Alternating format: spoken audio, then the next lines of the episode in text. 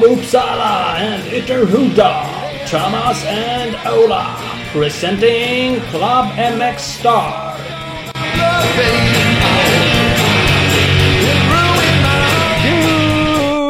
Swe! Jajamän! Där har vi den. Klubben MX Podcast. Med U- USWE menar jag. USWE Karl-Johan. Uswe. Yes. Har vi som gäster då? Aswe. Ja. Det, är- vi kommer in lite på det, det där namnet. Att det, jag har nog hört x antal olika grejer och haft själv så man drar sig nästan för att säga det. För att man bara, oh, har du en sån där US, US, US, Sån här vätskeryggad du vet. eh, Ja. Som en camelback fast bättre. Eh, Det kommer. Varför? Vad det betyder och eh, vad han tycker om det. Mm. Kurs med Kurt och vi får lära oss att säga det som folk. Ja, precis. Eh, För vi fort, fortsätter vår eh, lilla miniserie här med svenska företag då, som gör cross och enduroprodukter. Jajamän. Då har vi med oss Carl-Johan Engdahl. Han är då en av grundarna till Uswe. Eh, Så det kommer alldeles strax. Eh, Jag såg en annan grej på Facebook. Såg jag sen att du hade kommenterat det. Men kommentera jag eller? Jag, blev, jag skulle tydligen bli vald till president där ett tag också. Jag, jag tyckte att du, och det såg jag någon som hade kommenterat sen, att du dubbelkommenterade. Jag bara, ja, fan det är Ola skrev. Var det inte det som själva inlägget skrev också? Eh, var det inte exakt det, men det, det handlar alltså Nej, om... man eh, vill förtydliga saker och ting Ja. här i världen. För folk är ju inte så jävla brighta så de kan inte läsa innan. Kan framförallt inte läsa mellan raderna. Så då, eh, då eh, förtydligar jag det. Och jag lagt även till en klass. Men eh, Johan Andersson som är med och roddar i Karlströms Cup. Det var han som var inne på rätt spår från början. Det, det var han och vi... eh, Jag vet inte om vi mest gör det internt eller om vi brukar göra det i podcasten också. Men, men den var ju kanske inte skriven på 100% korrekt svenska. Så jag läste faktiskt texten rätt många gånger innan jag riktigt förstod. Vad är det vi vill? Vad är det vi vill här? Eller vad vill Vad de? fan är de? ja, det var det jag s- spesade upp lite Det bättre. gjorde du tydligt med lite mer punkttänk och sådär. Grunden är i alla fall Karlströms Cup. Det är en- endurocupen här runt Uppland. Eh, man diskuterar då, ska man ändra klassindelningen? Dels för att folk helt enkelt då gnäller varje år på att pokaljägare, fan han som vinner motion är ju lika snabb som elit. Bla, bla, har bla. man ju verkligen överhuvudtaget ingen riktig koll när man kläcker ur sig den. Men ja. Nej, men man har inte, det här har vi varit inne på förut för att det är ju väldigt lustigt. Att ska man alltid ta bort den som är bäst så, så är man ju det, mest du som har sagt det, men då, vi tycker lika. Då är man ju snart bäst själv. Vilket betyder Ja, att då ska man ju och bort. Man, ja men det är ju de. Det är ju, alltså, det är ju människor som är kanske runt 20 plats som tycker att åh fan topp 5, topp 7 åker för fort. Ja så tar man bort dem. Ja fan då är jag med där uppe. Ja fan då är jag liksom 15 men 5, 7 åker fortfarande för fort. Och så tar man bort 5 och så fan nu är jag i topp 10. Jaha nu blev jag uppflyttad. Vad fan hände? För det finns ju alltid 20 gubbar bakom mig som tycker att jag åker för fort då. Ja. Mm.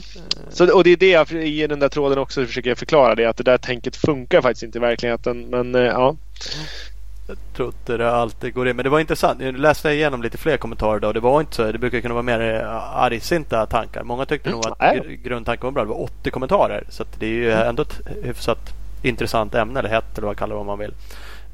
Grunden är ju så här. Hur gör man motion? Ska vi ta bort eller ha en motionsklass var tanken. Som är motion. Där man helt enkelt inte har resultat. Man kör sin en och en halv timme. Lullar runt. Man vill väl ändå ha en tid, alltså se hur man åkte och så. Så det, det är inga konstigheter. Såklart ska det vara någon sorts tidtagning men fokus ska ju vara på, ett, på deltagande. Att man åker runt och är med och inte, inte på att jaga sekunder. För då kan man åka i tävlingsklasserna liksom. Ja, och man får ingen... eh, Det delas inte ut pokaler i slutet utan man, de tog som ett exempel. Du kan få en guldpokal om du har kört 8 av 10 tävlingar. Liksom. Men du får Ja. ingenting för att du var tvåa. Eh, Så, som, eh, som själva namnet antyder så är ju motionsklassen någonting man gör för att få motion. Så fort man tränar, springer fem meter rakt fram för att bli fort, åka snabbare i motionsklassen så har man ju tappat fokuset. Då har man ju tappat syftet med motionen. Jag, jag minns flera som har pratat om det. här. Det var nog mer i Stockholmskrossen. Den crossserien vi har runt här. Att man vill inte använda ordet motion heller. För det klingar illa mot media och sådana saker. Ska man exponera så kanske få resultaten publicerade i lokala tidningen. Så, så tycker de att vadå motion? Liksom. Det tänker inte vi publicera. Så då pratar man ju mer kanske amatör. Man använder andra ord för att ordet motion också klingar inte tävling. Och det gör det inte precis som du säger. Fast jag är ju hellre motionär än amatör. Ja, ja det, kanske inte heller är det perfekta ordet. I det här fallet tänkte man ju då istället, vad skulle man kalla klasserna? H16, H30, H40. Man gör en Ja. ål- åldersindelning. eh, som bara är H. Ja men som det är i, i en mountainbike-serie. Då kör man H30 fast man Ja, man är ju typ motionär egentligen fast man tävlar men man är ju inte liksom senior eller man är ju inte tävlingscyklist så man är aktiv så utan man, men man vill ändå ta ut sig så mycket man kan. Men det, det, så egentligen dribblar man ju lite med ord för idag är motionsklasserna indelade i ålder. Uh, så det, mm. det man ja, gör är att lägga absolut. till en till klass för de som bara vill lulla runt och vara delta. motionärer. Delta. Ja. Uh, och man gör byter namn på de befintliga klasserna och det blir då mer tävlingsklasser. Mm. Samma människor blir kvar. Det är ju samma kille som kommer vara pokaljägare i H30 som var det förra året. Så länge han inte blir äldre. Då. Ja, fast då blir han ju uppflyttad till nästa åldersklass och då har han ännu lättare. Så han kanske skulle bli nerflyttad eller? Ja, det kanske är så det ska vara istället. Man får bra, då får man köra en yngre. Åh, oh, tråkigt. Nej, det funkar inte riktigt. Nej, det gör inte det. Men, men, men, det är ju, och som sagt, det är också så här att det, det, kan ju vara så att man är... Jag skulle också kunna köra någon av de där H40 som jag uppenbarligen hamnar i nu då, och köra helt okej. Okay. Uh, och i och för sig åka så fort då, så jag kanske matcha tider med någon supersnabb. Kanske, ja, någonstans i någon seniorklass då kanske man skulle kunna åka också. Men då blir det också mycket längre körtid. Så det blir så här, bara för att man råkar vara fortfarande okej okay, snabb så betyder ju inte det att man är vältränad och vill åka en halvtimme längre eller en timme längre. Nej, och den sista halvtimmen är ju den som blir farlig. För om du har överlevt i en och en halv timme på talang som du har haft sedan back in the days. Så den sista halvtimmen, det är då det blir sopslut. Talangen är över sedan länge och tungan trasslar sig framhjulet man kör omkull och bryter armen. Ja, fan vad roligt att åka motorcykel. Det, det har man inte ens råd med. Nej, men det, det är ju faktiskt så. Där tycker jag det, det är fan orättvist att använda att man är snabb som argument för att man ska köra i en annan klass som har längre körtid. Utan vill man köra i sin jävla, om det nu är en H-klass som det blir sen. Då ska väl folk fullständigt skita i det om man är snabb. Ja men eh, absolut så. Sen om, om man, och, och, ja då är det ju valfritt. Satsar man och åker SM då ska man ju kanske åka seniorklassen då tycker jag. Ja. Men allt där annat, ja men då får man åka i sin H30-klass. Det är inga konstigheter. Det dyker ju upp någon, någon gång ibland. Som, och det argumenteras ju också mot, det var ju något år i Ränneslätt SM-crossåkare som kom dit och körde motionsklassen i enduro. Och så mm. skreks det rakt ut över det. Och fine, man kan tycka mm, det kanske inte är optimalt när folk gör den förflyttningen i tid och otid. Samtidigt kan jag tycka att hej, är systemet att du får och du, du kör cross och är duktig på det.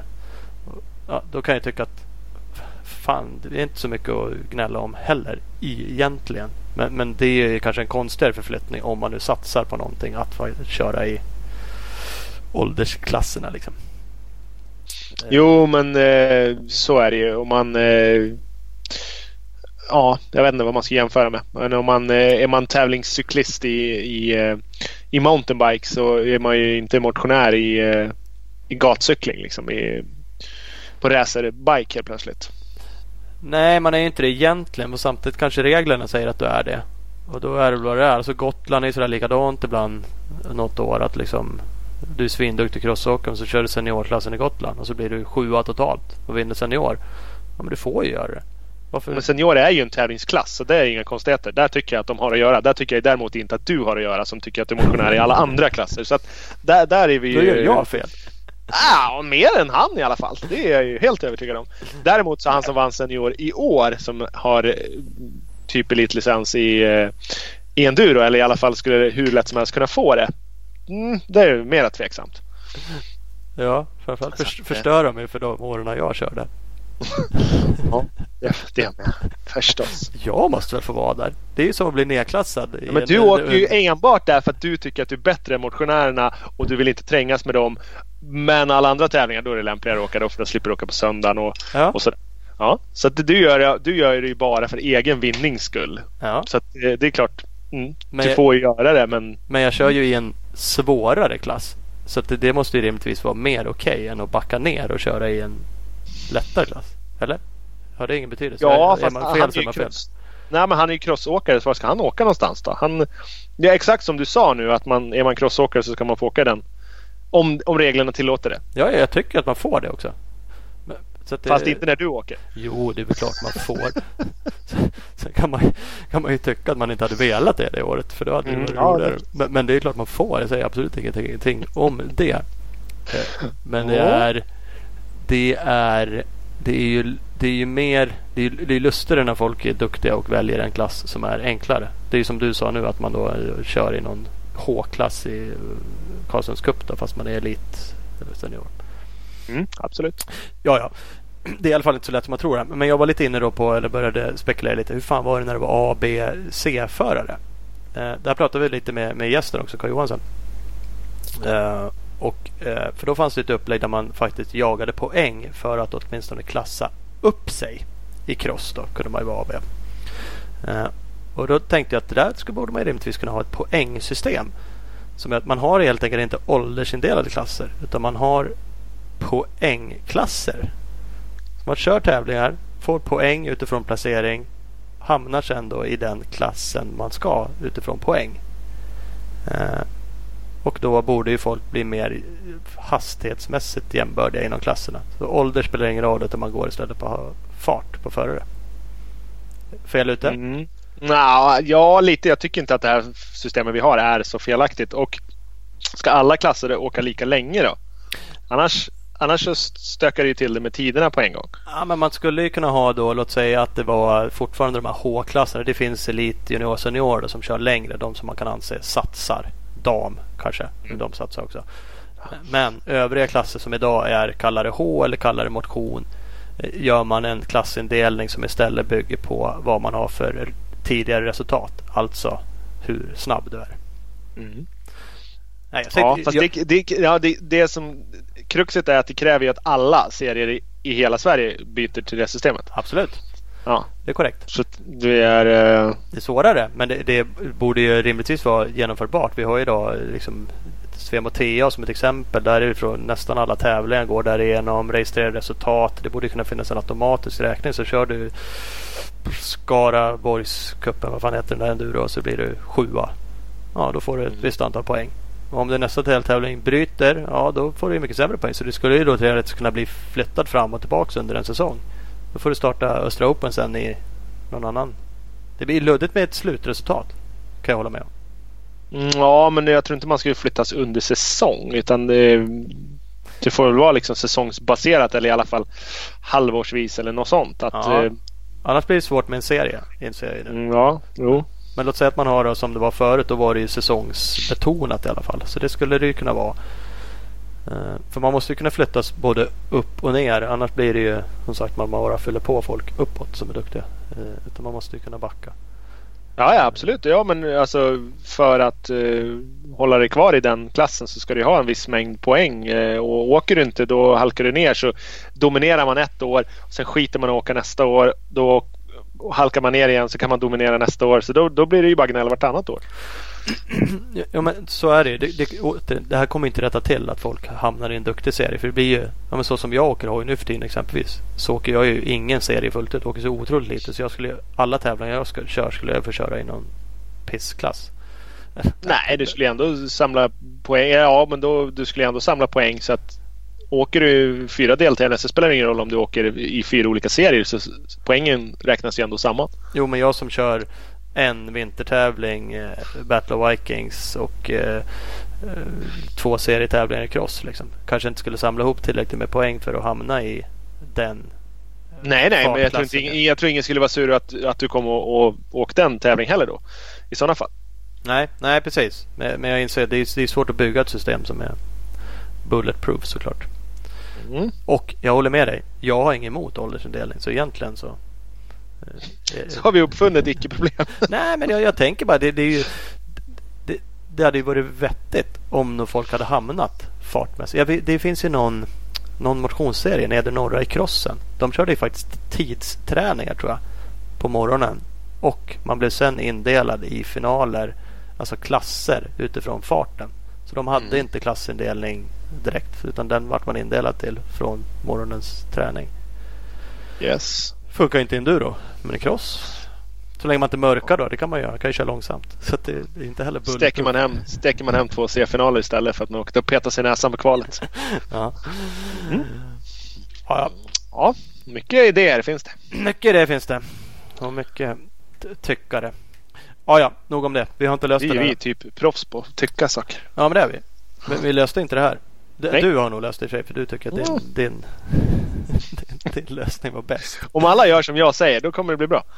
För vi, mig. Vi kan ta den snabbt. Du vill ha kvar Elit, Senior, Junior, Dam.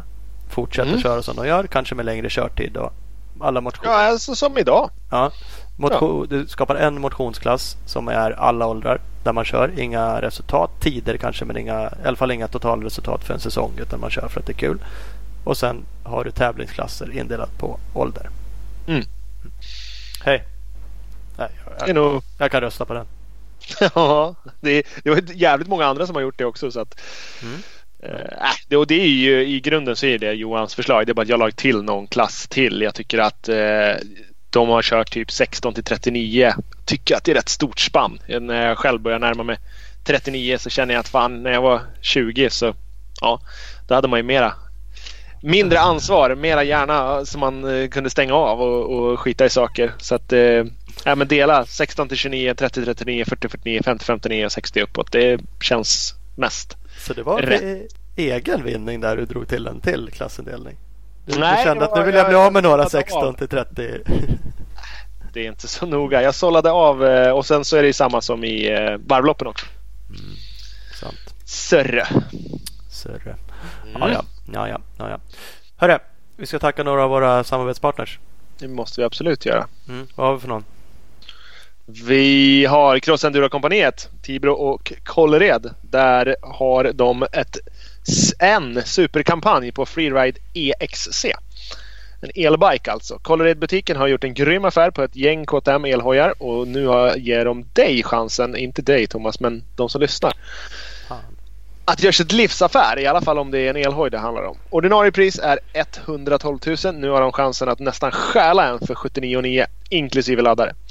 Men man får passa på för det finns bara en begränsad upplaga. Så kolla in det. Det är alltså Cross och Enduro Company CC i Kållered. Har man inte kört en sån där så ska man absolut ta chansen att göra det om man får den. De är jävligt roliga att köra. Det är ju absolut inget man plockar ut på kanske sin lokala endurotävling. Men det är ju en vansinnig lekmaskin. Verkligen och ännu roligare om man lyckas lura en polare för då kan man fan åka bredvid och typ snacka med varandra när man, när man åker på för fullt. Så att, mm. äh, det är skitcoolt. Men eh, kolla Instagram och Facebook CEC Motorcycles. Där finns det garanterat mer info. Det ska man göra. Man ska också kolla in enduroskola.se. Har ni inte joinat Enduroskolan än så ska ni ju göra det nu. Eh, vi vet ju att många har gått med och kollat på avsnittet med Björn Gebenius, eh, träningsgeniet. Nu tappar jag namnet. Vad fan heter de? Vad kallar de sin träningsgrupp? Fyslandslaget? Ja, så var det. Snyggt. Eh, som tipsar om bra konditionsträning. Det roliga med enduroskola.se är ju också Facebookgruppen. Där är det ett jävla mm. peppande nu. Folk har ju fullständigt gått bananas några på det där. Det är 05.00 ut och powerwalkar som jävla tokar och går ner i vikt och blir vältränade. Mm, mm, faktiskt. Ja, men, men den peppen är en stor del av enduroskola.se vilket är coolt. Sammanhållningen, absolut. Mm. Uh, man ska också kolla in då möjligheten att åka ner till Spanien uh, och köra hoj. Få lite face to face träning. Uh, det är ju bara mm, 10 poängs åkning med grymma hojar som står på plats. Så att, Jajamän. spana in enduroskola.se. Mm, ska man göra. Opus Bilprovning. Där kan man passa på att komplettera sin besiktning med ett e-test. Opus gör en komplett avläsning av din bils alla elektroniska system. Mer info om det finns på hemsidan www.opusbilprovning.se. Och vi har skott med oss. Eh, vintern är ju här i vissa delar av landet. Har du fått vinter? Jaha, mm. såklart. Vi har mest regn, så eh, inte så mycket snö än längre i Uppsala. Men men, den kommer ju. Eh, så när man inte är på crossbanan då eller i endurospåret så kanske man är ute i skidbacken. Det är ju kanske inte du. Eller? Mm, nej. Du åker skoter. Det kanske ja. man kan med sådana här brillor också. Jag åker inte så mycket jag skoter. Så jag vet inte. Men man ska i alla fall spana in Scotts nya skidglasögon. Vapor. Eh, de är ju lanserade precis. All info om Vaporbrillorna har ni på skott-sport.com och ni följer dem på Facebook och Instagram nu för tiden på Skottsport Sverige. Fantastiskt! Där har vi ett gäng. Uh, ja. Tack uh, vår vän Hugo Karlsson som är grym på att redigera vår podcast. Faktiskt. Och tack till alla som eh, swishar stålar på 1235924816 var det va? Eller har du bytt det? Är det gamla numret som står kvar här? Mm, det gamla som står kvar. Man kan swisha på Fan så stekigt. Då kan man smsa. Nu är det mitt vanliga nummer 0739 20 37 30. Kan man Där kan man bara vräka in stålar så får Thomas dem så får jag en ölburk varannan påsk. Kan skick- swisha dickpics mig där. Hoppas! Alla som gör det de får fan en undring. Swishar jag tillbaks en hundring Ja, till. direkt. Smutt. Ja, det. Jävlar vilken deal. Ja. Printmotor.com slash mxstar. Där kan man köpa en Klubb MXstar tröja. Mm. Det ska man också ha. Och lägger man upp den och, här, och, och taggar in oss på Instagram så då, då ska vi sprida det vidare så in i bänken. Vi har säkert sagt det förr, vilket är tråkigt, men vi har lite andra tröjor på gång och lite stickers. Så att vi ska göra någon liten utdelning, tävling, eh, vad vi nu gör med det där. Ja, Eh, vacker dag. Eh, ska vi ringa vår fina gäst? tycker jag. Tycker jag. Mm, Då gör vi det. Tjena! Hallå hallå! Tjena tjena! Tjena! Välkommen till Klubben Mixstar! Tack, Tack så mycket. Fan vad härligt, jag har ju bild på dig. Där Men, ja. ni vill inte visa hur ni ser ut? Nej, det är tydligen hemligt.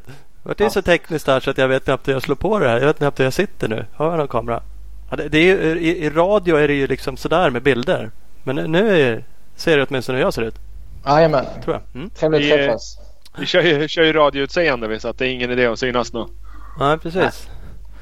Du dricker kaffe. Jag tog en eh, poddöl precis. Ah, ja, men det ser gött ut. Eller ja, kaffe det vet jag inte om du hade i. Men du hade en kaffekopp i alla fall. Hörru, härligt att ha dig med. Vi- tänkte prova ett litet nytt segment. Några så här snabbfrågor till att börja med. Vi, Okej. vi får se vad det här blir. Vi har inte gjort det förut. De är inte så märkvärdiga. Eh, bara Ja. för att få en kort bild av vem du är. Se om du svarar rätt. Om du svarar rätt.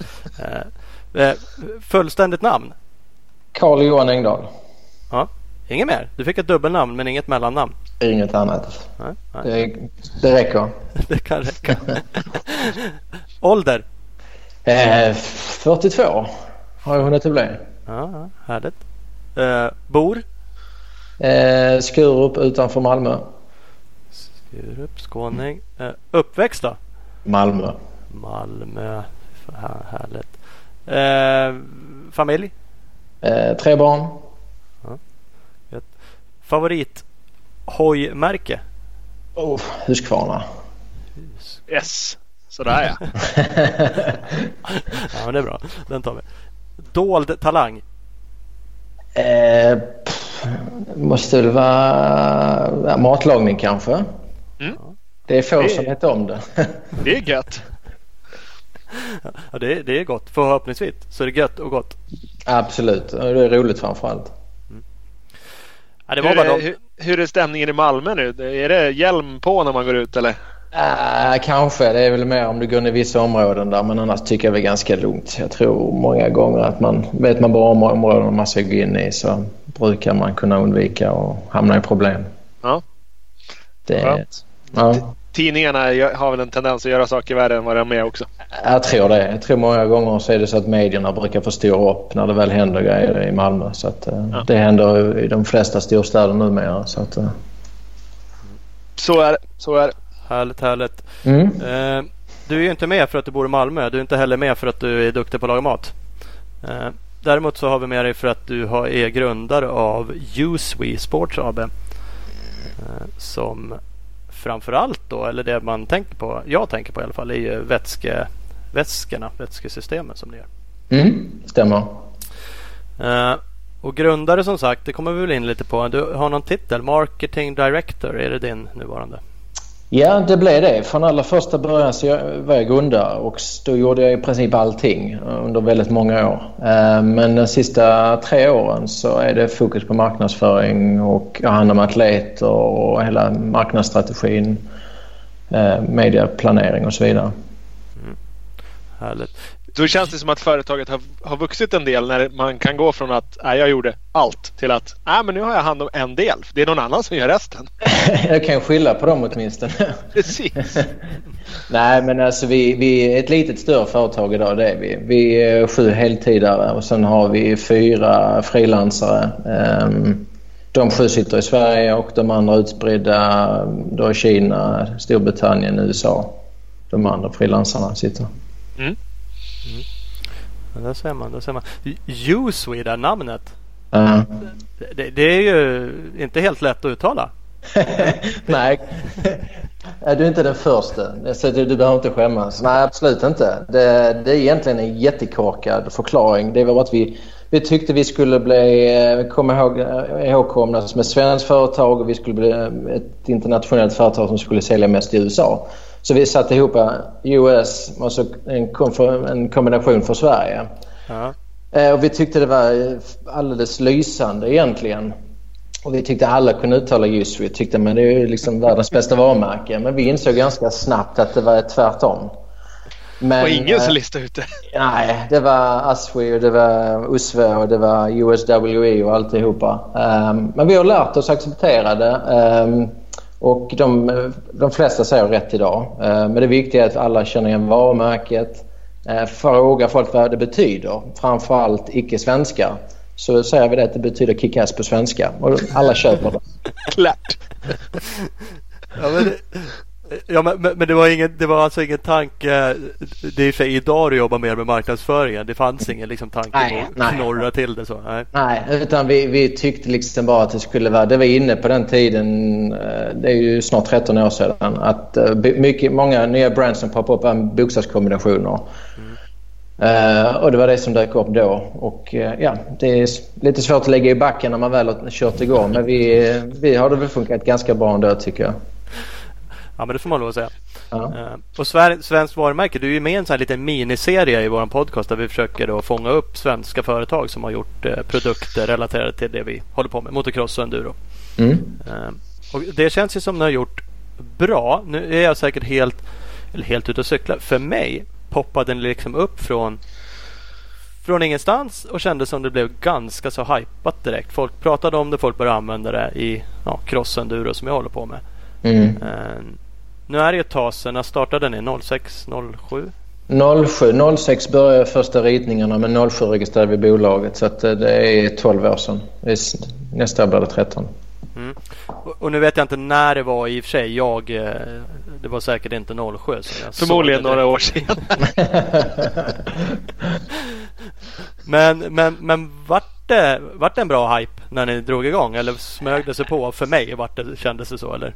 Det, man kan väl säga det att det, det smög sig nog på. Det kan man väl egentligen säga med. De första 5-6 åren gick det okej. Okay. Alltså det gjorde det så sett. Vi var ju så vi var ju så frälsta och vi var så inne i det där med motorsporten och vi liksom gjorde egentligen ganska många fel från allra första början. Eh, om man ska vara helt ärlig. För att vi satsade egentligen på det vi tyckte var roligast. Mm. Eh, och det var framförallt motocrossen. Eh, vi jobbade väldigt mycket med fabriksteamen. Jag reste land och rike runt på alla VM-tävlingarna. Vi hade typ 25 GP-åkare varje Grand Prix. På startgrinden så körde med våra mindre vätskesystem. Eh, det var skitkul. Men vi insåg så småningom att herregud, crossåkarna, det är liksom att övertyga alla dem till att börja liksom använda vätskesystem, det såg vi som att det blev för dyrt helt enkelt. Så att, ehm, och detta var 2007, 2008, 2009. 2008 kom jag i kontakt med Anders Eriksson, eh, endurovärldsmästaren. Och eh, så började vi jobba mer med enduro och sen så växte det och växte och det är det som gjorde sen att vi fick fart något år senare på endurosidan. Och, ehm, ehm, vi, ja, det är väl kanske tur att vi tog det steget, inte bara frälsta i motocrossen. Mm. Eh eh, från början så var det väl mera den här eh, typ eh, ja, men västen ni körde. Eh, det var väl första produkten eller? Ja, um, det liknar faktiskt en damtopp. Mm, där vi satte vätskebehållaren. Ja, en, en sport, eh, sport-bh liksom. Ja, vi, där det hade vätskebehållaren på ryggen. Sedan så ehm, kom eh, Led med sina första nackskydd och då krockade här, den här västen med ehm, deras nackskydd för det gick inte att kombinera. Nej. Och då tvingades vi till en lösning där vi faktiskt gjorde en vätskebehållare och en ficka som vi applicerade på nackskydden istället. Precis. Uh, och då började vi även samarbeta med Leat. Vi gjorde egna produkter plus vi gjorde grejer till Leat under ganska många år framgångsrikt. Så det är också en del i vår utveckling när vi gjorde OEM-samarbete med bland annat då Leat. Mm. Um, och sen när ni, när ni mera gick över på enduron då, då valde ni att vad ska jag säga, uppgradera den befintliga typ camelbacken som, som redan fanns på marknaden men ni förbättrade ja. den. Ja, för det, det, saken var det att inom motocrossen så var det ju bara en halv liter vätska som behövdes. Eh, men när vi började jobba mer och mer på enduro så var det ju liksom från en och en halv upp till tre liter. Och då ville man ha ett bärsystem som bar upp själva vikten, massan på ryggen istället på ett annat sätt. Och då gick vi mer på det minimalistiska så vi gjorde det med axelremmar och så tog vi fram den här bärsedeln eh, ganska tidigt då som vi har patenterat eh, med stretchfunktion och eh, i princip det här en, på bröstet. Sen har vi då förfinat den genom åren men egentligen alltså första bärsedeln vi gjorde eh, som produkten ser ut idag, själva grundtanken är inte långt ifrån den första bärsedeln vi gjorde tillbaka i tiden.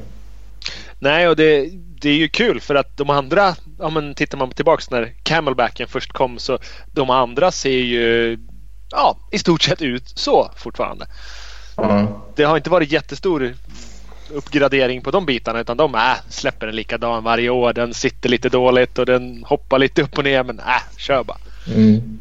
Men men alltså, gjorde någonting åt det. Ja men absolut. Alltså, vi, vi använde ju faktiskt camelbacks eh, tidigare själv också. Ehm, och det var en av anledningarna till att vi började göra de här Vi gjorde det till oss själva. Mm. För vi tyckte liksom herregud, det måste gå göra någonting annorlunda. Alltså vi hade ingen kunskap om eh, varken vätskesystem eller symaskiner. Ingenting överhuvudtaget egentligen från början. Utan det var liksom en, en tanke, en idé, en vision vi hade.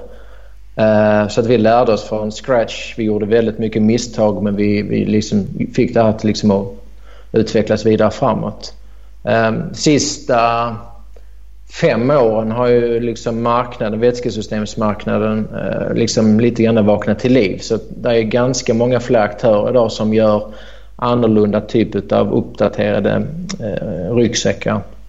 Men det, är, det är fler som har hakat på trenden lite. Ja, men det är det absolut. Sen, sen är det ju tacksamt just att vi hann och patentera grejen innan som gör att vi faktiskt kan vara själva om själva den här slutande produkten som vi har. Um, och vi har liksom tagit för oss inom vissa segment där vi tycker att vi är duktiga och vi tycker samtidigt också att vi har varit ganska flitiga till att bygga varumärket vidare och just förståelsen för just själva produkten i sig. Vad skillnaden är eh, inom motorsporten. Eh, som cross-VM, för att gå tillbaka till det. Är, det. är det någon som åker med någon form av vätske, vätskesystem i cross-VM i år? Det, det kändes som att ett tag då som du sa så var det jäkligt många mm. och sen föll det av igen eller? Eller har de bara ja. grejer som är väldigt osynliga? Nej, men alltså, det, vi märkte ganska tidigt i motocross-VM så fort jag var ute på VM-tävlingarna och, och riggade systemen på nackskydden och likadant jag byggde in de hjälmarna till dem så åkte de med grejerna. Mm. Men eh, var jag inte där ute så avtydde ganska fort för att de helt enkelt det, det var bekvämt eh, att ha den servicen. Uh, och till slut så liksom ebbade det ut. Vi mm. vet om att vi, vi har ju fortsatt supporta KTM fabriksteamet och även Husqvarna och ett par andra team. Så att uh, vi typ Indonesien och lite andra den typen av Grand Prix där det är extremt luftfuktigt, väldigt annorlunda värme än vad förarna är vana vid så använder de uh, systemen. Mm. Eh, men annars så har det liksom fallit ifrån och vi har inte tagit tag i det heller för att vi känner liksom att um, vi kan inte bära det själv. Vi kan inte bygga en helt ny marknad på det viset. Eh, utan det finns mycket bättre förutsättningar för oss som företag att jobba vidare med endurosidan och eh, numera även har vi gått in mycket på mountainbike, löpning och skidåkning. Mm. Om man, man går tillbaks till, till lite business-tänkande kanske och det du sa med patenterad teknik. Eh, kan man gå in på vad det innebär att patentera det ni har gjort? Liksom? Är det spännet i sig eller är det flera delar? Och, och, och, funkar det med ett patent? Det är inte någon som bara skiter i det och tillverkar något annat liksom, i en fabrik och bara så får ni mm. göra världsrättsgrejer av det? Alltså själva patentet bygger på själva det främre, det är bärselen. Hur den, dels hur den är designad, alltså hur den är formad, hur den liksom omsluter kroppen, den främre delen på kroppen med de olika justeringsmöjligheterna. Sen är det inbyggd stretch både i bröstkorgsremmen och i axelremmarna som gör det att din rörlighet eh, blir extremt eh, följsam och du blir extremt liksom kan liksom andas, röra dig, använda muskulaturen på ett annat sätt än vad du annars kan göra när du spänner fast en ryggsäck extremt hårt. Mm. Um, så det, det, är de, de två det, alltså viktigaste komponenterna i själva patentet. Det är alltså designen för passformen och själva stretchmöjligheten då för att kunna ha en, en väldigt skön ja, passform på själva överkroppen. Och sedan bara för just visst kan alla kan ju vet det, kopiera. Det, det är inga konstigheter egentligen. Uh, och det är egentligen ett patent ska, alltså det är egentligen till för att folk ska liksom vidareutveckla och gå snäppet ner vidare för att göra ännu bättre produkter. Mm. Uh, men det, det, vi har gjort, vi har patenterat de bitarna som gör att de kommer aldrig kunna få den passformen och framförallt den här stretchmöjligheten som gör att du har den rörlighet och även möjlighet att kunna andas på ett helt annat sätt när du har väldigt hög maktpuls. Ja, det är ju rätt viktig aspekt. Mm. Ja men det, ja, men det är det absolut. Jag konstaterade, jag var in på en hemsida. Eh, jag är inte inne där varje dag ska jag vilja erkänna. Eh, ni gör ju ganska mycket mer då än bara vätskesystem. Ni gör det många sådana. Du nämnde några branscher, löpning, mountainbike, skidor. Eh, ni gör ju också vanliga ryggsäckar och massa tillbehör. Eh, jag slängde ut på Facebook och Instagram innan för att få in lite frågor från våra lyssnare. Mm. Och, då var det en, en kille, Stefan Pontan, som vi för övrigt känner som högg att ni borde ju ha fixat en mobilficka. Och så konstaterar man att ja, det, det, finns ju ganska så många väskor med det. Och för övrigt lite tillbehör att bara knäppa på. Och, mm, mm. Eh, så att ni, ni, där har ni också tänkt till gissar jag och utvecklat. Det var, jag vet inte hur många, vet hur många produkter ni har? Det är ganska många. Ja, alltså vi har väl 34 olika typer av ryggsäckar och sedan så har vi massa med tillbehör till de här olika modellerna. Eh, när det gäller telefonfickor så har vi två olika typer av telefonfickor som du spänner på på framsidan. En som är just för den europeiska marknaden och en för den amerikanska, de som har king size telefoner. eh, och sen har vi olika typer av quickstack-fickor. Eh, ja, många olika. Vi har även nyligen eh, släppt ett eh, action cam harness som du kan montera din eh, GoPro-kamera på. Precis. Mm. Så att eh, det var ju svar, det var någon annan lyssnare som han svara ganska snabbt på den kommentaren att det finns ju.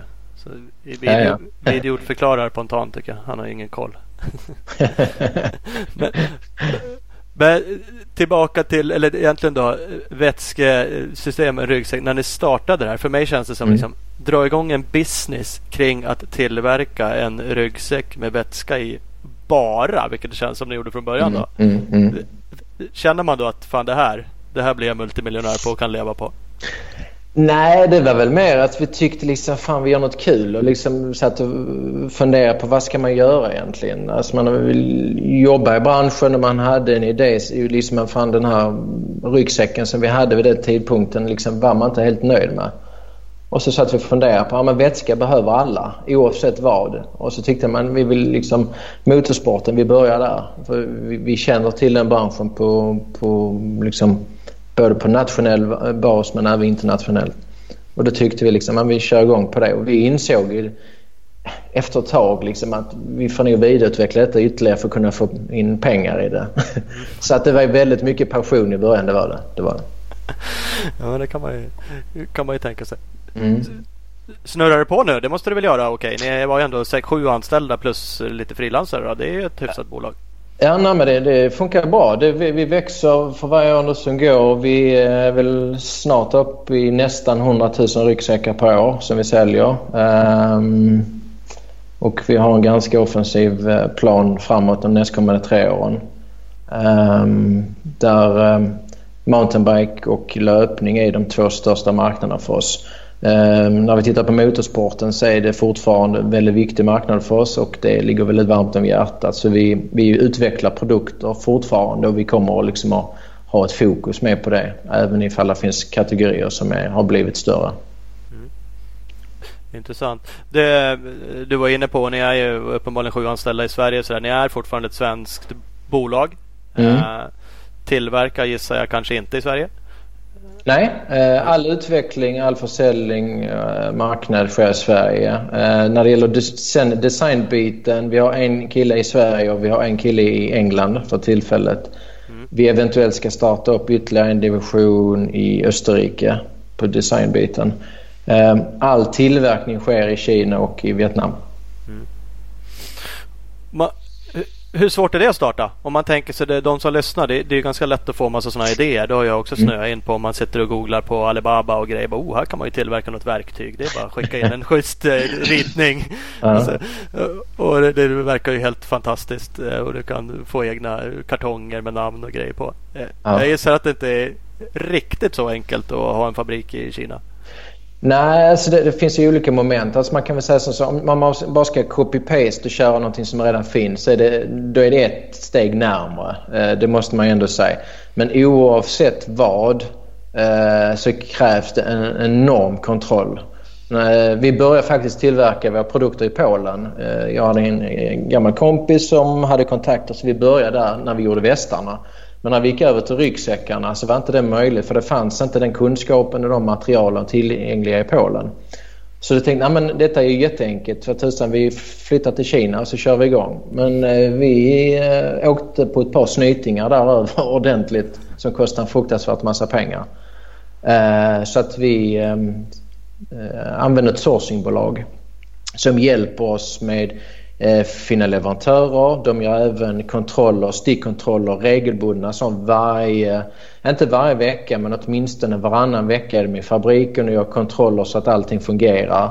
Och sen är vår då produktchef Jörgen, han är i Kina på fabriken då ungefär sex gånger per år. Eh, och han har då daglig kontakt med fabriken och daglig kontakt med vårt sourcingbolag. Ja, men det är det man kan känna lite och lite och hört från andra som har snuddat vid saker och, och kanske för den delen bara mer importerat produkter vilket du säger är mm. troligen många steg enklare. Men ja. lik förbannat så får man kanske en container med grejer som inte uppfyller riktigt det man har tänkt sig. Absolut. Alltså det, det, det är liksom så här att det, man måste dubbelkolla, dubbelkolla hela, hela, hela tiden. Det, det finns liksom ingenting annat. Nej. Nej. Jag kan eh, tänka mig. Inget annat du tänker slå in på? Det var också en lyssnarfråga faktiskt. Liksom, finns det några andra idéer? Och nu hör jag att det att med sådana andra marknader ni har gått in på. Då är det ju motsvarande produkter med ganska likvärdiga. Man kanske tänker lite olika passform. Jag vet inte. Men mm. det är inga andra grejer ni har liksom framöver som, som ni tror ni kan få in under varumärket. Liksom. Jo, faktiskt. Eh, det är så här att vi kommer nästa år att eh, lansera eh, gearbacks, trolleybacks för att kunna göra ett ännu mer fulländat sortiment när det gäller väskor och kunna transportera sin utrustning. Likadant när man pendlar till och från jobbet, skolan, när du är ute och reser med familjen behöver man större ryggsäckar. Låt säga 30 liter 36 liters ryggsäckar så att man kan liksom förvara eh, det dagliga. Eh, och likadant också ser vi som att det här är ju faktiskt samma målgrupp. Vi vänder oss till när det gäller våra performance-ryggsäckar som även när vi kommer in på Gear and Travel-sortimentet. Så att vi kommer att försöka ta racing stuket in i den världen också där vi kommer att och, eh, jobba väldigt mycket med våra atleter och de teamen som vi redan eh, eh jobbar med.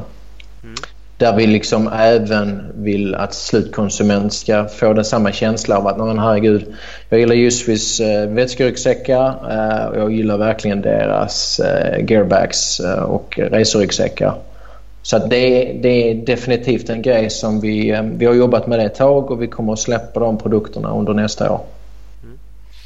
Kul. Man, man såg ju på hemsidan, för nu kan man ju tycka om själva vätskeväskan i sig. Mm. In, inte för att jag ska säga att den är ful, men den har ju en viss typ av design. Den ska ju mm. se mer fritidsaction eh, rör på dig designig ut i min känsla. Mm. Men ni har ju redan idag ryggsäckar då bara som faktiskt var snygga om man får säga så. Som jag gissar har lite annan målgrupp. Kanske samma målgrupp men när de åker till jobbet då som du säger. Inte när man är på crossbanan.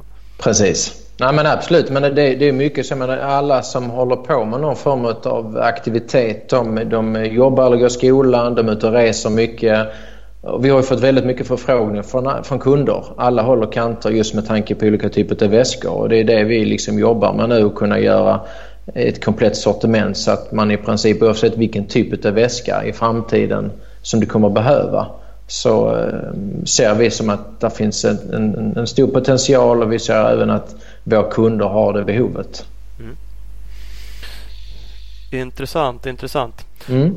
Ding, ding, ding! Vi har ett reklambreak och vi har med oss Husqvarna. Ni måste spana in Husqvarna Scandinavias nya Youtube-kanal. Eh, just nu finns bland annat två grymma klipp från GGN. Eh, så att vansinnigt härlig, god eh, familjekänsla.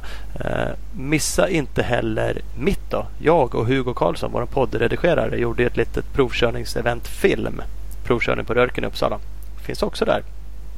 Då är jag med och kör, om inte annat. Snyggt. Eh, så det söker ni på Youtube, Husqvarna Motorcycles Scandinavia. Ni hittar dem också på Instagram, Husqvarna Motorcycles Scandinavia. Så att, spana in det, följ dem, prenumerera på Youtube-kanalen. Jajamän, vi har Speedstore, butiken i Valbo utanför Gävle som har allt man behöver för din enduro och crosshoj och även asmycket fräscha kläder. Fortsätter med demokörningar av både Husqvarna och Beta. Nu på söndag 24 november så kör de i Knutby utanför Uppsala. Passa också på att köpa ny Husqvarna just nu så har de 36 månader räntefritt. www.speedstore.nu eller speed-store på Instagram.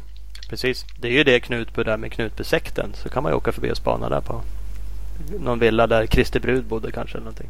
Ser det som en sightseeing om inte annat. Hon bor väl kvar. kan man ju smyglägga med någon säkert också i något hörn. För det gillar de ju. ja, det gillar de med. Man kanske blir... Ja. ja.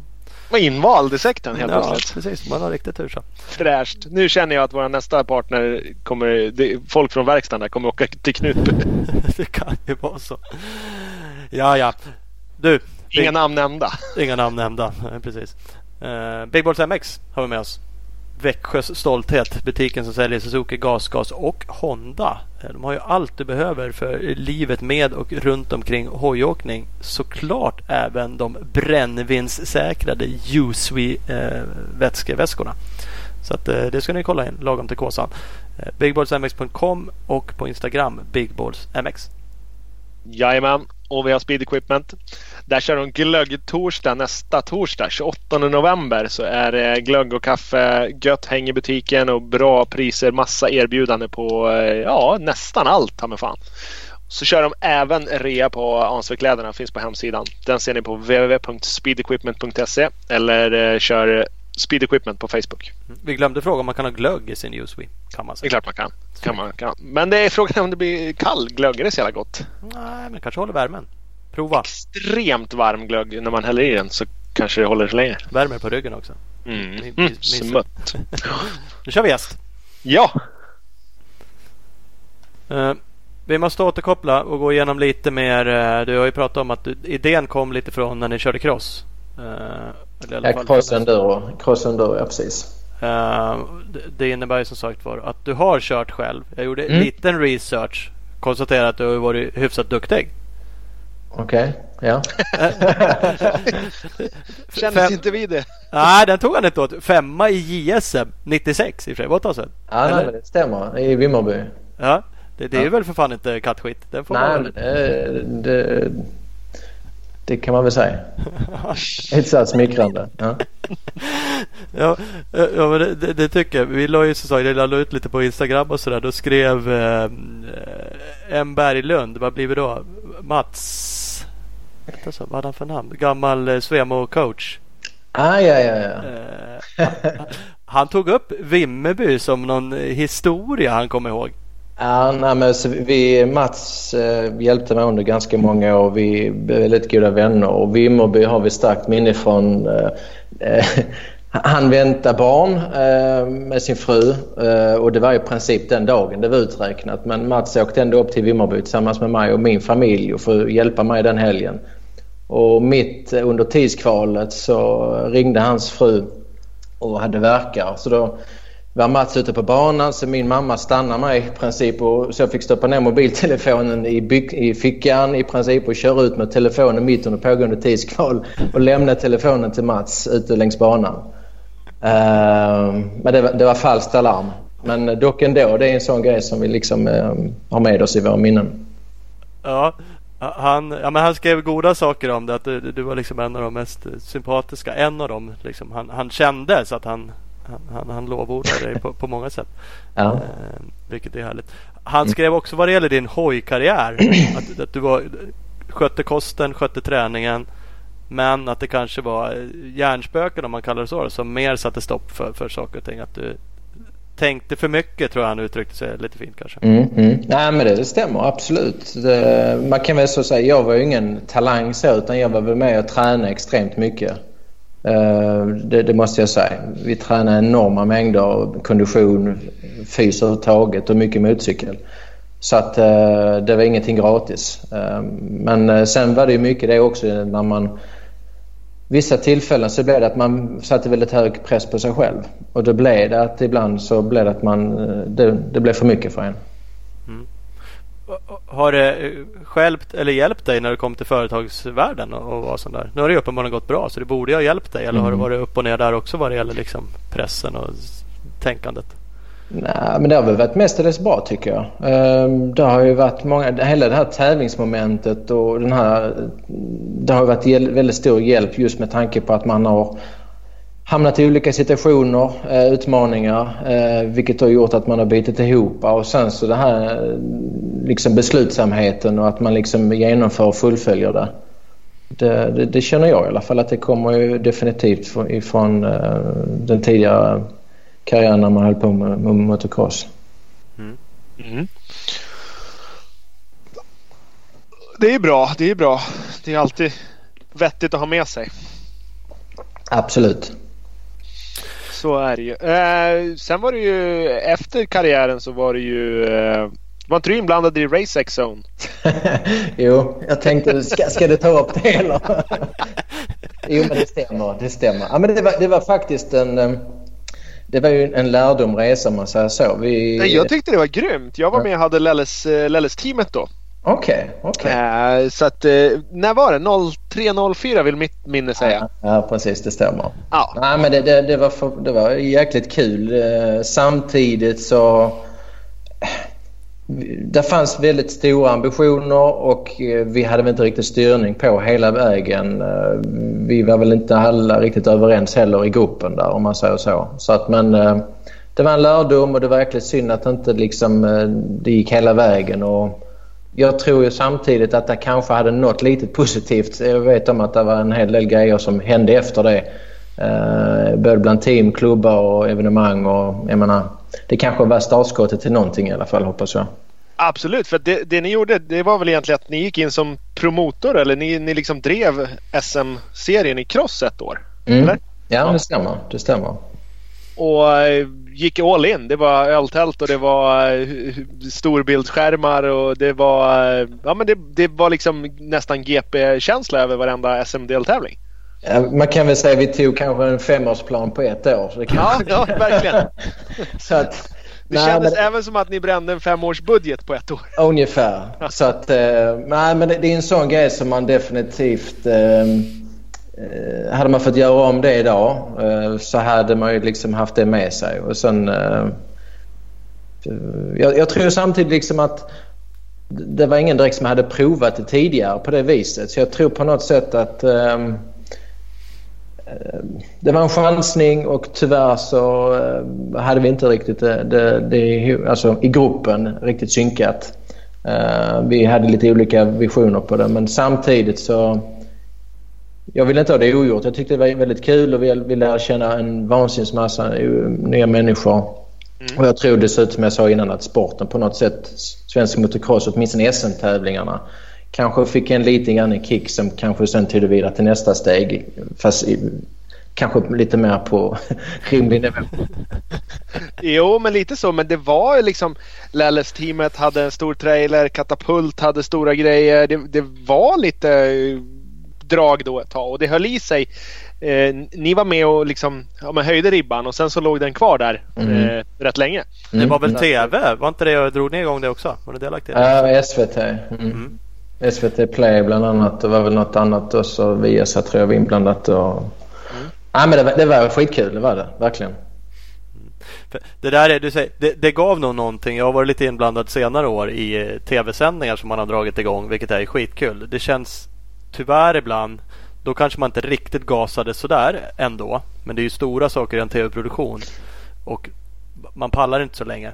Men sporten är kanske inte större än vad den är också tyvärr ibland. Liksom, det finns inte riktigt eh, budget för eller tittare eller någonting. Så då, Då blir, ni drog igång det gissar jag där. Det dog. Någon annan drar igång det. Det dör. Någon annan får dra igång. Ja, ja. Det dör. Det, det är liksom lite för stora uppstartstider och kostnader för alla hela tiden. Ja. Tyvärr. Ja, Ja, alltså- det känns väl som att tv-sändningar i någon, någon utsträckning har väl varit på tal eller varit på gång eller det har sänts ett år i kanske tre vändor sedan Mm, ni mm. gjorde det första gången. Mm, mm. och Nej, nu men är det alltså, nedlagt igen. Liksom. jag, jag tror ju samtidigt att dagens utveckling med tanke på att man idag kan ju faktiskt eh, se det mycket på nätet eh, och att man faktiskt kan genom olika prenumerationer kan faktiskt följa eh, olika mästerskapstävlingar. Jag tror ju på något sätt att det kan gynna mindre mästerskap att man inte är, måste in på den här eh, liksom rikstäckande TVn där man liksom egentligen det kostar en jäkla massa pengar för... Dels så ska du få in foten och det tar liksom sju svåra år.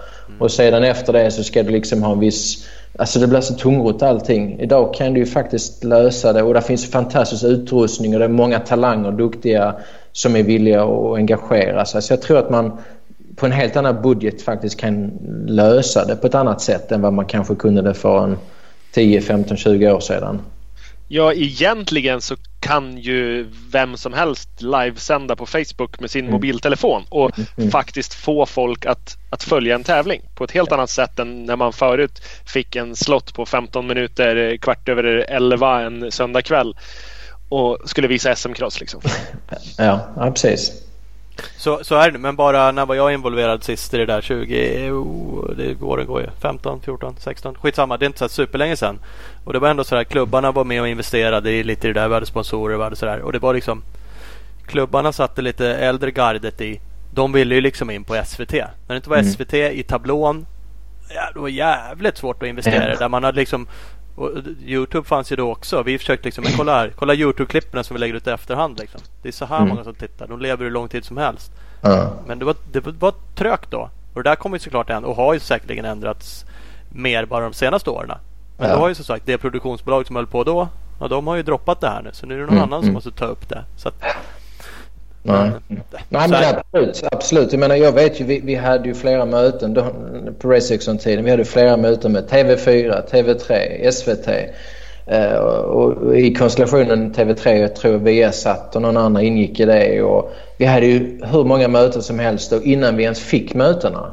Vi fick ju nästan sparka in dörren för att få komma in. Eh, men det är liksom på något sätt så... Jag, jag tror definitivt att som det ser ut idag så tror jag att det finns världens möjlighet att kunna göra olika, alltså paketera sporten på ett jäkligt attraktivt sätt som tror man kan sälja in faktiskt till målgruppen på ett väldigt bra sätt som gör att man faktiskt blir hooked på det. Eh, och jag tror dessutom att med den här actionsport eh, målgruppen som egentligen tittar på allt möjligt eh, som har med actionsport att göra att man kan på något sätt få dem engagerade och intresserade mer nu än vad man kunde tidigare när det, om man nu fick in det på SVT eller någon av de här andra kanalerna för att man har en annan typ av konsumtion idag när det gäller eh, skärmtid. Mm. Mm. Men då har. Det, det här måste ju du titta på ifrån en annan vinkel idag gissar jag. Det är marknadsföringsaspekt exempelvis. Vart syns ni? Vilka syns ni med? Eh, syns de i, i kanalen? Ni, det är ett antal extremåkare som åker med era produkter och de, där är ju Red Bull ganska duktiga på att sända saker och ting. Mm. Eh, Nu kanske jag tänker på det mer än andra att de använder det i era vätskeväskor. Jag vet inte. Men, men det borde ju vara intressant för er att ni är med i dem. Absolut. Jag menar, tittar man nu så på menar, början på endurodelen så var vi ju involverade mycket i enduro i VM. Ehm, och där var väl inte så där jättemycket tv-bevakning på det men det var helt okej. Det, var, det, liksom, det, det snurrade på. Vi hade väldigt mycket åkare. Nu har ju VM ändrats och nu framförallt är det väldigt mycket fokus på hard enduro-mästerskapen, eh, västserien. Eh, och där har ju då Red Bull, KTM, Husqvarna och de pumpat in en massa pengar i detta och de har ju fått fantastiskt mycket eh, tid eh, som gör helt enkelt att man, det är extremt mycket exponering. Eh, och vi har hakat på det. Eh, vi har en hel del åkare och eh, vi känner den vägen att det är fullt tillräckligt för vår del när vi stöttar de atleterna. Att vi får väldigt mycket ex- exponent av våra produkter och sen kan vi använda det sen kombinerat med vår egen marknadsföring via framförallt sociala medier. Mm. mm. För att eh, de har enduro-racerna och typ varvloppen där använder man eran produkt hela tiden. Mm. På enduro-VM då åker de med dem på transporterna, tar av sig när det blir prov och sätter på sig igen. Så den filmningen som blir från ett prov, ja, då ligger en väska liksom och väntar när de går i mål igen. Precis, precis. Och det, det var jag frustrerad över under många år i början. Vad fan gör de? Jag hade svårt att acceptera det. Jag, jag åkte på massa enduro-VM också i början. Och jag sa, men för fan, ni sparar ju hur mycket tid och energi som helst att ha kvar ryggsäcken på. Ni känner ju ändå inte av att ha den på dig. Nej. Ah, nej, men vi vill, vi vill liksom ha så lätt som möjligt. Ja, det förstår jag. Men ryggsäcken, herregud, ni, ni, ni märker inte av att ni har den på er ja. Nej. Men till slut så, ja. Det, vi är ändå alltså, full förståelse och jag var väl lite grann att vi var för taggade också så att... Uh... Mm. Kunde de skulle de ju fan åka nakna för ja. De skulle inte ha hjälm, stövlar, ingenting om de inte var tvingade till det. Så att det är liksom trycka på dem en ryggsäck är väl helt omöjligt. Ja, precis. Nej, men eh, full respekt för det. de, de, de har ju sina utmaningar och de försöker göra sin grej. Och jag, jag, vet ju, men där, där fanns ju även förare på den tiden som alltid hade ryggsäcken på. Uh, även under uh, specialproven. Mm. Uh, de, de tyckte på att det var liksom inga konstigheter överhuvudtaget. Det satt mer i huvudet. Men man måste ha full respekt för, för varje individ just med tanke på vad som känns bra både fysiskt och psykiskt. Och jag tycker liksom att det, det var bara en grej man, man köpte helt enkelt. Mm. Om, om man tänker förare då, sponsförare. Jag vill minnas, nu pratar jag som snabbast med honom, Patrik eh, Hermansson tänkte jag säga. Patrik Helmersson på Scott Sports. Mm, mm. Han sa till mig tidigt, vill jag minnas, han kom faktiskt inte ihåg det nu så skitsamma. Men att han tyckte det var coolt att ni marknadsför er utan att sponsra eller i alla fall betala förare. Mm. Tidigt. Um, och, och, det känner man ju spontant som att idag de förarna man ser att ni har Mm. De åker väl inte om de bara får eh, fem vätskeväskor? Alltså faktiskt är det är faktiskt så. Eh, det, det, vi har gjort vid något tillfälle det är i princip om vi vill ha en speciell content, speciella videofilmer. Eh, det är ju i princip att vi, vi ber dem anstränga sig på sin fritid och göra några fräcka videos till oss. Och så har vi sagt, okej okay, istället för att vi hyrde in en fotograf eller så vidare så får ni pris för det. Men annars under hela säsongen så är det, det, det är produktsponsring och att vi engagerar oss och gör speciallösningar till dem. Eh, ibland gör vi specialprint till dem och sen åker vi runt på massa olika evenemang. Vi engagerar oss på ett annat sätt än någon annan eh, aktör inom vår bransch gör. Um, och vi, vi liksom håller fast i det. Det är sak samma som på Dakar. Vi har ju väldigt många Dakar-åkare. Toby Price, Sam Sunderland bland annat. Um, det är samma där. Eh, det är egentligen väldigt, alltså det är stora idrottsmän som egentligen har ganska stora sponsorpengar in. Mm. Och vi har varit tydliga från dag ett sagt att vi kan absolut hjälpa med produkter men tyvärr vi, kan, vi gör ingen sp eh, sponsor när det gäller pengar. Och de har köpt det. Vi har varit tydliga. Mm. Det, är bra gjort. Det, det kanske också då visar att ni har en bra produkt som de vill ha. För att om det fanns en hyfsat mm. okej okay produkt som de tycker. Som de mm. då fick x antal. Mm. 100 000 eller som du säger flera av de mm. där Toby Dakar-grabbarna. De kan säkert få mm. bra med pröjs. Mm, mm. Ja absolut. Uh, ja Intressant. Då stämmer mm. det fortfarande. Jag tänkte att det var säkert så från början. Men nu jävlar vill de ha deg. det är de som har försökt men uh, vi är envisa. Ja. Intressant. Hur ser ni annars, och du var ju lite inne på det nu, men om man tänker sig då eh, svenska förare. Är ni ute och nu vet jag inte vilka ni supportar där oavsett. Kollar ni av liksom hur mycket syns folk i sociala medier? Finns det möjlighet? Ska vi kliva in? Är ni aktiva själva liksom och kolla? Fan den här är ju duktig i enduro-SM eller på väg ut eller? Fan du skulle åka till Gotland ett år Thomas. Som förra året. Då hade du fått sett en hel jävla lansering med Emil Lindgren och Jocke ja, Albin det... Elofsson. Och... Det såg jag för film på. Det var ett jävla bakhjulsåkande och cyklande. ja. ja, men det var förbaskat kul. Det, det, var det. Nej, men alltså vi... Vi, eh, vi, eh, vi kanske inte så... Alltså vi var ute på allting tidigare tillbaka i tiden. Nu mer i och med att vi involverar så många olika kategorier så hinner vi inte åka på jättemycket på, på eh, cross enduro-sidan. Men vi är ute på en del. Eh, för övrigt, men vi dammsuger ju internet och sociala medier. Det gör vi. Eh, vi försöker följa allting i och med att det, det är vårt intresse för bolaget men även en passion från vår ja, privata sida.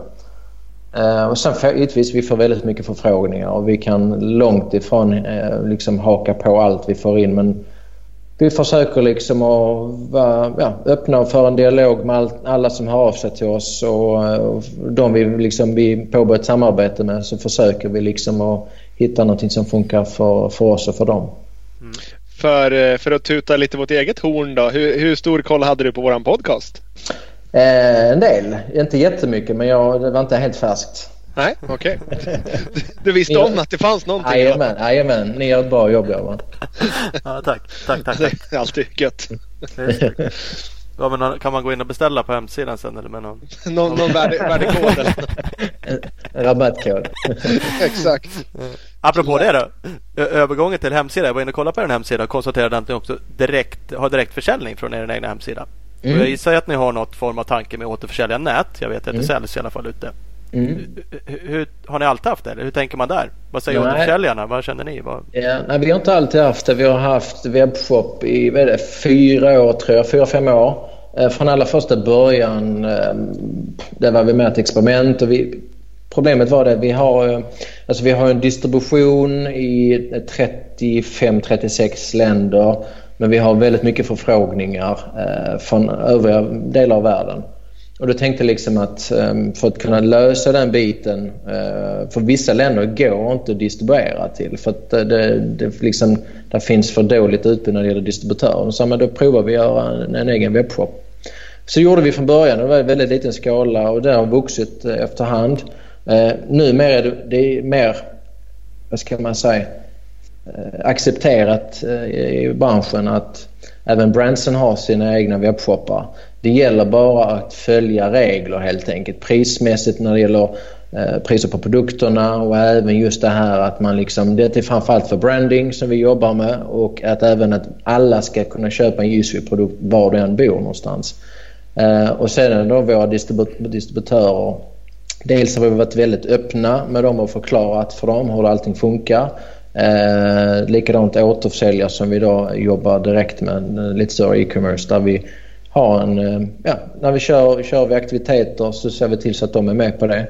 Um, och det är inga konstigheter egentligen. Det var kanske mer i början men idag är det så... Menar, alla våra konkurrenter gör det. Mm. Så att det är liksom inga konstigheter egentligen. Utan jag tror det är bara att hålla en strategi så att man inte eh, liksom vattnar ur produkterna och prisbilden. Utan att man ser till att kunna göra produkten tillgänglig men att man även ser till så att vi ska inte vara billigast, vi ska följa prisdelen och vi ska framförallt se till så att det byggs ett varumärke och produkterna finns tillgängliga.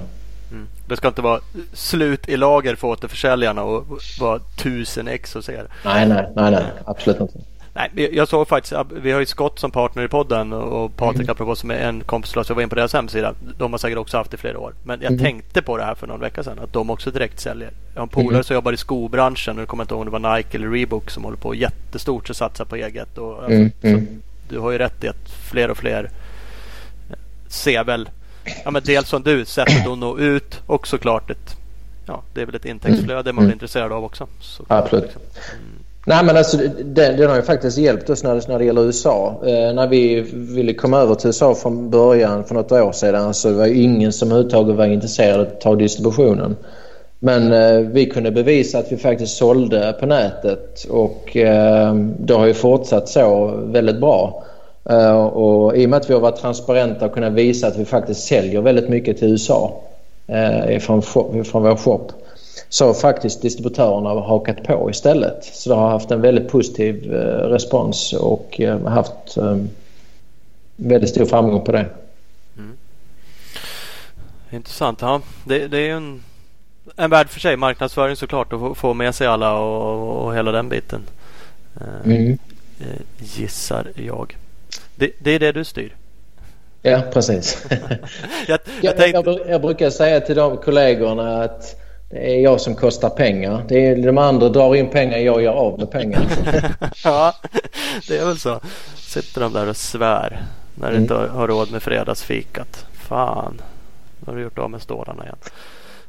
Jag tänkte på marknadsföring där. Ni, ni kallar ju er teknik för No Dancing Monkey. Mm. Uh, det, det, kan man ju bli lite humor i det. Ni förklarar ju på hemsidan då fint att liksom som sagt det, det hänger en apa på ryggen med en traditionell uh, vätskeväska. Eller förr ja. i alla fall som sladdrar omkring liksom. Mm. Men, men det klingar ju lite humor i det. Finns, fanns det en tanke eller finns det mer? Det stod någon annanstans. Best looking design, some bragging på hemsidan. Ja, precis. Ja, lite mm. knorr på liksom. Uh, no Dancing Monkey kommer egentligen... Vi hade en kund uh, från Australien som faktiskt köpte um, en produkt från oss via en distributör som hörde av sig till oss och, be och berömde själva produkten och eh, berättade att han hade berättat för alla sina kompisar om den här ryggsäcken. Uh, och att de då liksom menar på att Nej, men vi har redan ehm, en camelback. Så att, ehm, och då hade han förklarat för dem att You got a dancing monkey on your back. I don't. Och när han berättade det tyckte vi det var så jävla briljant och vi hade aldrig hört talas om det. Så gick vi in och googlade på detta ehm, och eh, vi tyckte liksom att det här måste vi använda. Sen har vi paketerat detta eh, med No Dancing Monkey istället. Så bärselteknologin som då är patenterad det är No Dancing Monkey Technology. Ja. Det, är, det är inte alldeles självklart man första tanken så här. Bara, va? Vadå? Vilken, vad för apa?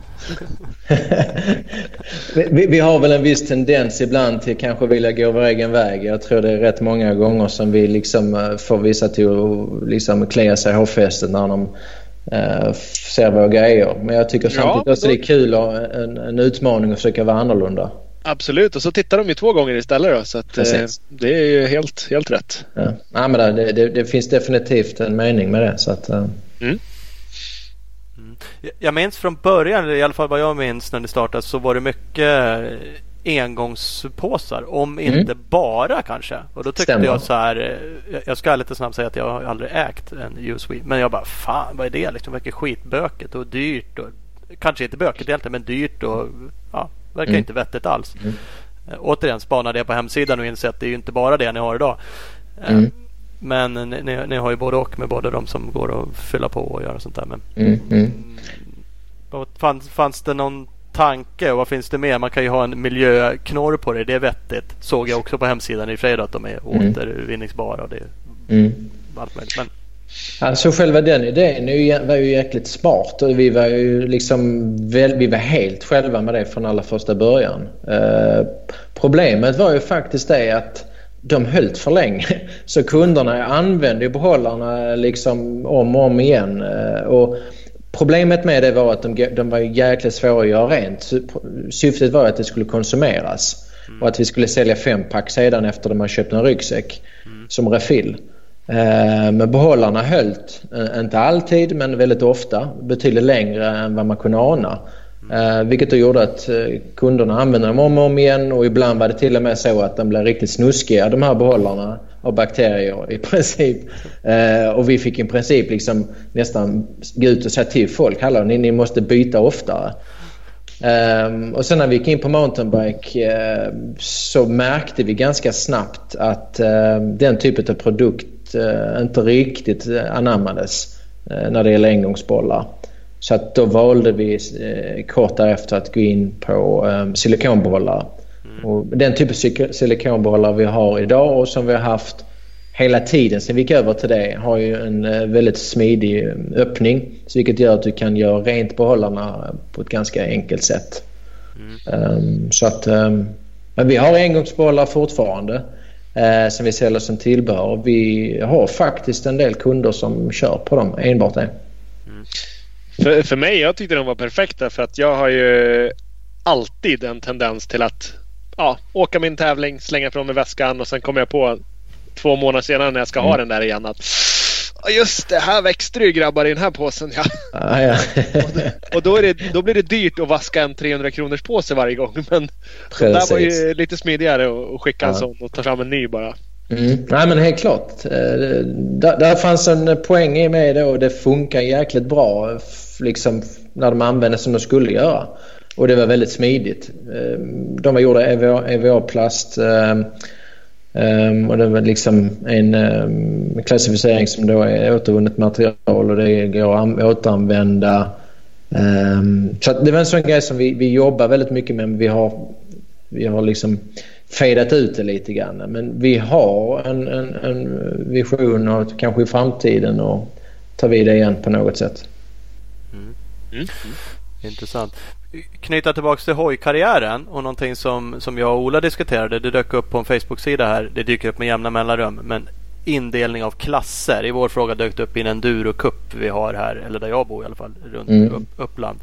Eh, och man eh, gnäller ju den. Motionärer tycker man ju liksom. Elitmotionärer och folk är för snabba och vad gör han i den här klassen? Eh, han borde vara elitförare och han kör ju lika snabbt. Man, man är helt mm. enkelt avundsjuk på någon som vinner eh, klasser. Mm. Jag vet inte om, när du körde, var det ABC-förare då? Att ni liksom ja, det var ABC. Mm, stämmer. Det, det, använder man ju inte längre idag.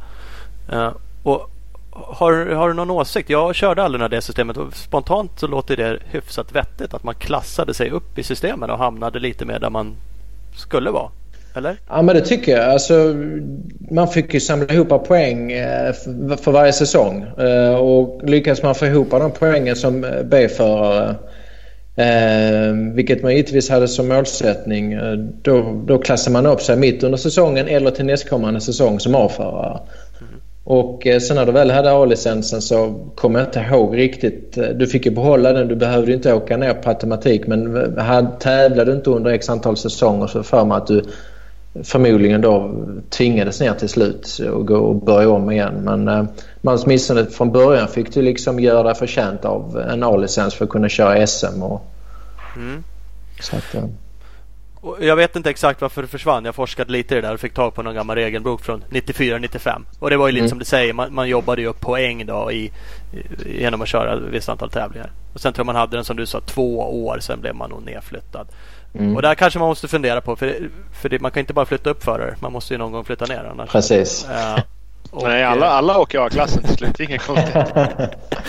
ja, det, det, blir ju inte perfekt. Och eh, jag diskuterade med Magnus Markenfeldt på Svem och han sa ju faktiskt att det finns inte så mycket enskilda tävlingar idag. Så att idag om man säger cross skulle det kanske inte funka eller ja, man måste kanske tänka om. Då var det mer inbjudningstävlingar. Man kunde liksom mata på med tävlingar varenda helg mm. man ville mm. för att få ihop sina poäng. Mm. Och, så funkar det inte riktigt idag. Liksom. Eh, det är inte serier på samma sätt eller det är inte inbjudningstävlingar på samma sätt. Oh, nej, nej. Men annars i, grunden tycker jag att det, det är vettigt att man om det går att få till poängbedömer folk då hamnar man ju helt enkelt där man ska hamna. Så behöver det inte vara någon gnäll sen. Ja. Nej men alltså jag, är inte jätteinsatt idag exakt hur det ser ut men jag tyckte det var ett, ett väl fungerande system eh, då i alla fall. Och man, eh, jag vet vi körde ju 40-45 tävlingar per, per säsong. Mm. Um, så att det var många helger var man var iväg och man hade sina, liksom man körde land och rike runt och sen så körde man även internationella tävlingar. Um, och ja, det, jag har väl ingen åsikt egentligen om det som finns nu för jag är som sagt eh, jag är inte riktigt hundra insatt på det men eh, jag tycker ju samtidigt att eh, det, det borde finnas något sätt att kunna studera dels hur vi gjorde tidigare och hur vi gör idag och likadant hur gör andra länder. Man borde kunna kopiera någonting om man inte är nöjd och kunna kopiera någonting som eh, funkar. Ja, och nu, nu, kan man inte bara bygga system hur som helst men det borde gå idag. Jag, jag såg i den där mm, gamla regelboken. Då var det så här. Ah, du skriver upp dina egna poäng. Så skickar du in det till Svemo i slutet av säsongen. Och så, ja, det var liksom manuellt och högst sådär lite halvflummigt.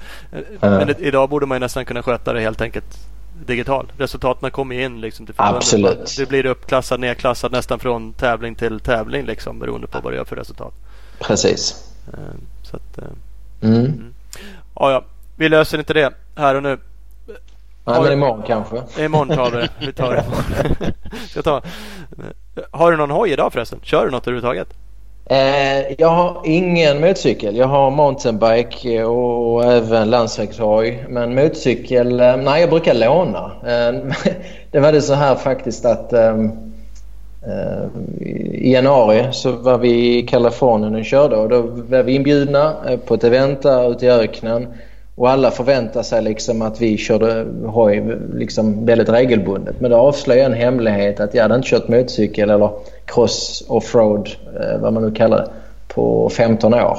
Så det var en premiär jag hade i januari. Vi körde två dagar och det var förbaskat kul. Första halva dagen var jävligt risigt men sen de andra... Eh, den andra delen av dagen och dag två var jäkligt rolig. Det var väl liksom kanske i slutändan eh, fysiken som trytade men eh, det satte i kroppen ganska snabbt.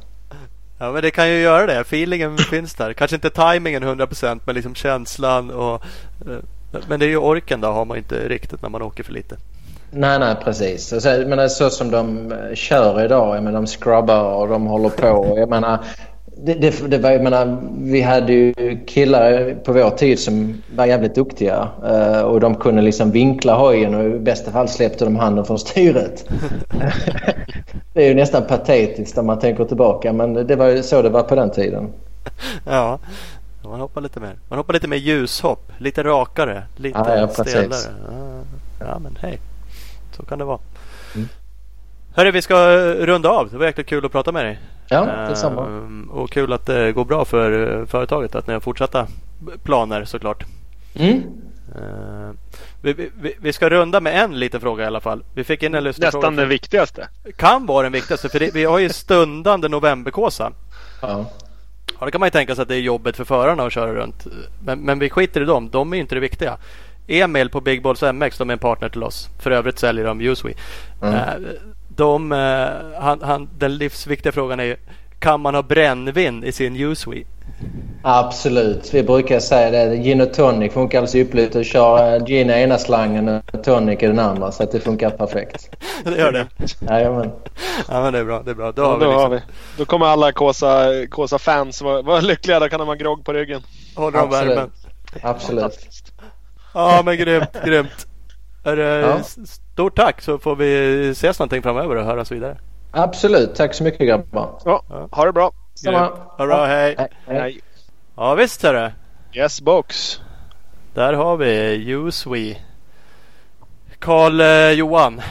Precis. Eh, Kul! Kul att vara tillbaka med den här lite, vår lilla miniserie. Det är fan roligt ja. med svenskar som gör eh, coola grejer. Det är grymt. Det är grymt. Inte bara som oss och bara snackar om det utan de faktiskt gör något. Ja, jag vet. Jag blir ibland lite bitter när man pratar med sådana människor. För man sitter och bara haglar ur sig idéer på saker och ting. Kommer ingen vart. Nej, men vadå? Han hade ju tre ungar. Vadå? Det är väl ingen konst att tre barn. Det är böcker att två. Det vet ju alla. ja, precis. Det, ja, det är fan det.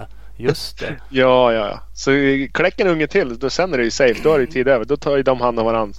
Mm. Sen kan du bara produktutveckla. Ja, det är så. Jag sitter faktiskt hemma och hade någon, eller har i mell, jämna mellanrum, hade förra veckan. var jävla bitter över att jag inte kör någon hoj. Och tyckte fan vad tråkigt det är. Liksom. Jag har inga planer på tävlingar. Det blev inget Gotland liksom. Och bara, fan vad trist kände jag liksom. Eh, samtidigt så blir jag nästa veva blir så här, fan man kanske la en unge till. Men ganska roliga. En är tre och ett halvt liksom. Det är kul. Har en som är ett och som snart är tre och ett halvt. Men då tar det ju slut liksom. Mm. Man... Nej för fan, fyll på bara. Mm, men då känner man ju att det är ännu längre bort då det här med att försöka åka motorcykel. Som är ganska kul ändå. Det är det, det är det. Men det har du ju gjort mycket också. Jag vet, så kan man också se det. Allt har ju sin tid. Ja, allt har sin tid. Jag vet. Man... Du skulle ha varit lite tidigare ute med att skaffa kids. Inte ja. vänta så länge på det. Då hade man ju haft en ny karriär. Då hade man ju varit en VRM-gubbe nu som harvar runt och körde massa serier. Och... Exakt, och kidsen hade varit 15-17 bast och klarat sig själva. Mm. Mm. Jag köpte en moppebil åt dem bara så hade det varit klart. Det är ju för sent nu. Ja det är det Det är ju åt helvete för sent. Man kan ju gå och ångra det men man kan inte... Det är ju bara att sitta hemma och vara bitter eller ja. Nej, jag vet inte. Jag har inget annat alternativ. Det är bara att köpa den linjen. Ja, fan. Fan jag är inte bitter Nej. på det men ibland bara känner man fan vad man blir sugen. Man blir så avundsjuk. Liksom. Ja, nu åkte de ut och åkte där och det var ju som man bara. Ja. Man vill göra allt helt enkelt. Unna folk att de har kul och åker motorcykel. Nej. Nej, inte fan jag. Får jag inte ha kul då ska ingen annan ha det heller. Så är det. Så är det. Mm, mm. Ja, ja, ja. Vi får se om vi, vi fortsätter med den här serien. Vi har lite andra förslag. Vi får in förslag. Det, det där gillar vi. Mm. Ha, skjut på med gäster till oss så försöker vi. kan inte få in alla men det, det, är roligt att få dem, roligt att bolla lite det, kolla med dem vad som kan och försöka planera in det. Eh, som sagt, vi sitter inte på alla idéer på vilka gäster vi vill ha. Både vad det gäller svenska företag då, men förare för den delen eller andra roliga personer. Mm. Vi körde ju brevfrågan ett tag. Den har vi slutat lite med. Eh, det är också kul. Skjut iväg någon rolig fråga till oss så kan vi ju Är den tillräckligt rolig så kan det bli ett helt eh, avsnitt. Så att eh, ja, det finns Ja. mycket options. Det finns mycket options. Så allt möjligt. Ja, så är det. Hörru, vi har några partners att tacka. Det har en, eh, hur många som helst känns det som. Mm. De är faktiskt fantastiska. Vi är jätteglada att vi har dem. Det är därför vi kan sitta här och snacka skit. Så att vi är glada om ni eh, supportar dem så gott det kan när det passar er. Följer dem i sociala medier och köper produkter när, ni, när tillfälle ges. Eh, vi har ju Skottsport Sverige med oss bland annat. De har ju varumärken som Skotts, Sidia, Serbes, Motorex, Nolan och mycket, mycket mer. Eh, så att gå in på skott-sports.com. Yes, och vi har Opus Bilprovning. Som vi har tjatat om att de har över 80 stationer. För de, det har de. De har fan 92 stationer från Kiruna i norr till Helsingborg i söder. www.opusbilprovning.se Jojomän och Husqvarna absolut bästa motocross endurohojarna på marknaden. Eh, de följer ni bäst på Instagram, Husqvarna Motorcycle Scandinavia och numera på Youtube. Jajamän. Bioclean Bike Wash. Dennis bästa uppfinning. Klart bästa tvättmedlet till din cross endurobike. Då kollar man in på Facebook. Man kan även beställa tvättmedel på deras hemsida eller köpa av din lokala återförsäljare. www.bikewash.se får du reda på både och. Mhm, ska man kolla in. Vi har också Speedstore, bästa butiken i Valbo utanför Gävle. Speedstore.nu, speed-store på Instagram. Jajamän. Enduroskola.se. Fantastisk enduroskola på nätet. Utvecklad tillsammans med bland annat Jocke Ljunggren och Adam Andersson. Använder man koden MXStar20 så får man 20% rabatt och samtidigt är man med och supportar klubben MXStar Podcast. www.enduroskola.se CC Motorcycles. Det är Tibremse Service och Cross Enduro-kompaniet som slog sina kloka huvuden ihop. Eh, två butiker som har märken som bland annat Yamaha, Honda, Suzuki, Kawasaki, KTM, Husqvarna. Eh, de hittar ni. Sök CC Motorcycles på sociala medier.